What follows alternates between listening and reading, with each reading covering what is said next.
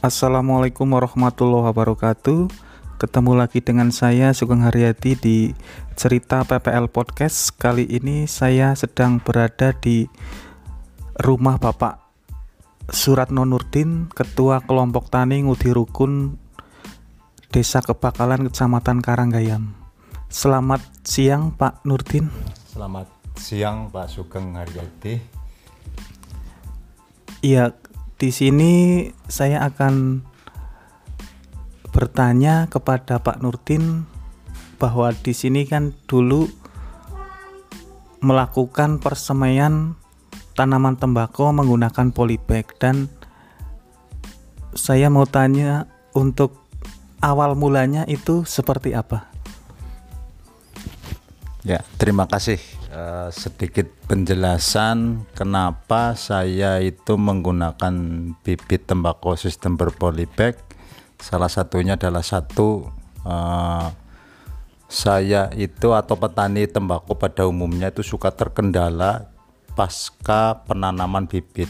Mungkin bisa jadi pas rame-ramenya kita sangat membutuhkan bibit, bibit yang ada yang selama ini dan teman-teman sekitar yang belum ya polip yang non polybag itu kadang-kadang juga terkendala. Ada satu yang busuk batang lah layu fusarium lah antara lainnya situ sehingga termasuk saya itu pernah kesulitan mendapatkan bibit. Nah dengan berjalannya waktu alhamdulillah saya itu pernah kunjungan dan pelatihan di Temanggung. Di sana ada salah satu kelompok tani yang sudah mengembangkan sistem polybag dan kami pulang ke Kebumen dan alhamdulillah kami praktekkan.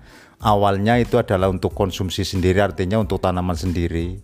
Setelah melihat bahwa itu berkualitas bagus artinya di tanamannya bagus kita bisa uh, memanage waktunya kapan kita mau tanam kapan kita mau menyiapkan bibit di situ kan bisa bisa kita planning bisa kita persiapkan perhitungkan. Nah dengan berjalannya waktu uh, cukup bagus pertumbuhannya bagus menurut saya karena mau ditanam hujan lah mau ditanam pagi lah karena itu sudah berpolibag tidak ada layu yang terlalu uh, terlalu layu banget. Artinya dia itu masih tet pohonnya tetap tegak sehingga dia itu cukup tangguh untuk menghadapi cuaca-cuaca hujan maupun cuaca panas atau ditanam eh, pada pagi hari. Dan yang selama ini kita kenal kalau kita itu menanam tembakau bibit yang cabutan atau bukan polybag itu kan selalu menggunakan uh, kodor atau payung di atasnya yang biasa digunakan pakai daun jati. Alhamdulillah kalau menggunakan bibit berpolibag kita sudah tidak perlu menggunakan uh, sistem pengerodongan itu karena tidak ada uh, layu batangnya kemungkinan kecil kemungkinan asal selama penanamannya itu uh, bagus dan alhamdulillah setelah itu kami pun mengembangkan dan alhamdulillah sekarang di beberapa kecamatan di wilayah lain yang sudah mengenal artinya sudah pernah menanam bibit tembakau saya sedang berpolibag itu e, merasa merasa senang. Artinya e, cukup diterima dengan baik. Itu adalah e, apa namanya persiapan bibit yang bagus sehingga kami pun tetap insya Allah tetap kami mengembangkan karena itu adalah menurut saya bisa mengurangi apabila kita mau ribet sedikit mau bikin sendiri mengurangi biaya kita untuk menanam tembakau untuk pembelian bibitnya. Salah satunya itu. Dan keduanya tingkat kematian kecil eh, artinya tingkat kematian di awal-awal itu kecil mas. Dalam artian kita uh, nyulaminnya ya udah hanya sekitar di bawah 10% kita nanam bako 1000 batang.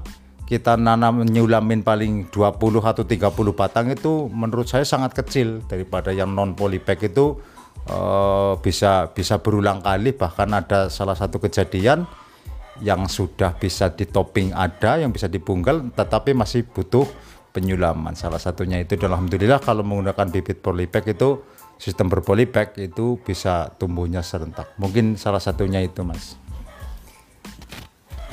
Untuk harapan ke depannya agar para petani menggunakan bibit berpolibag apa Pak Nurdin? Uh, untuk harapan ke depan monggo lah bagi teman-teman yang bergerak di pertanian perkebunan pertembakuan sebisa mungkin itu bibit kita jangan belilah. Kita bibit bisa uh, dari budidaya kita sendiri kita nyemai sendiri kita kita apa namanya menyiapkan sendiri. Dan itu juga tujuannya sangat bagus. Harapan kami itu uh, harapan kami uh, semua petani lah minimal ada ada beberapa milenial kita generasi penerus kita itu ada yang bergerak di bidang pembibitan. Dene terkait uh, apa namanya kurang paham atau tidak tahu cara bagaimana cara penyemaiannya ya monggo lah kita sama-sama belajar bareng duduk bareng uh, saling sharing saling tukar pengalaman untuk di dunia pembibitan. Dan kami juga tidak menutup diri mas. Artinya silakan bagi teman-teman yang punya wawasan atau punya pandangan kritik dan saran untuk memperbaiki uh, kami di bidang budidaya di Polipek itu sekiranya masih ada perbaikan ya monggo mari kita sharing bareng-bareng kita belajar bareng-bareng mungkin salah satunya itu mas Terima kasih Pak Nurdin atas penjelasannya. Semoga penjelasan pada hari ini dapat bermanfaat bagi kita semua. Amin. Amin. Terima kasih Pak Nurdin. Wassalamualaikum warahmatullahi wabarakatuh.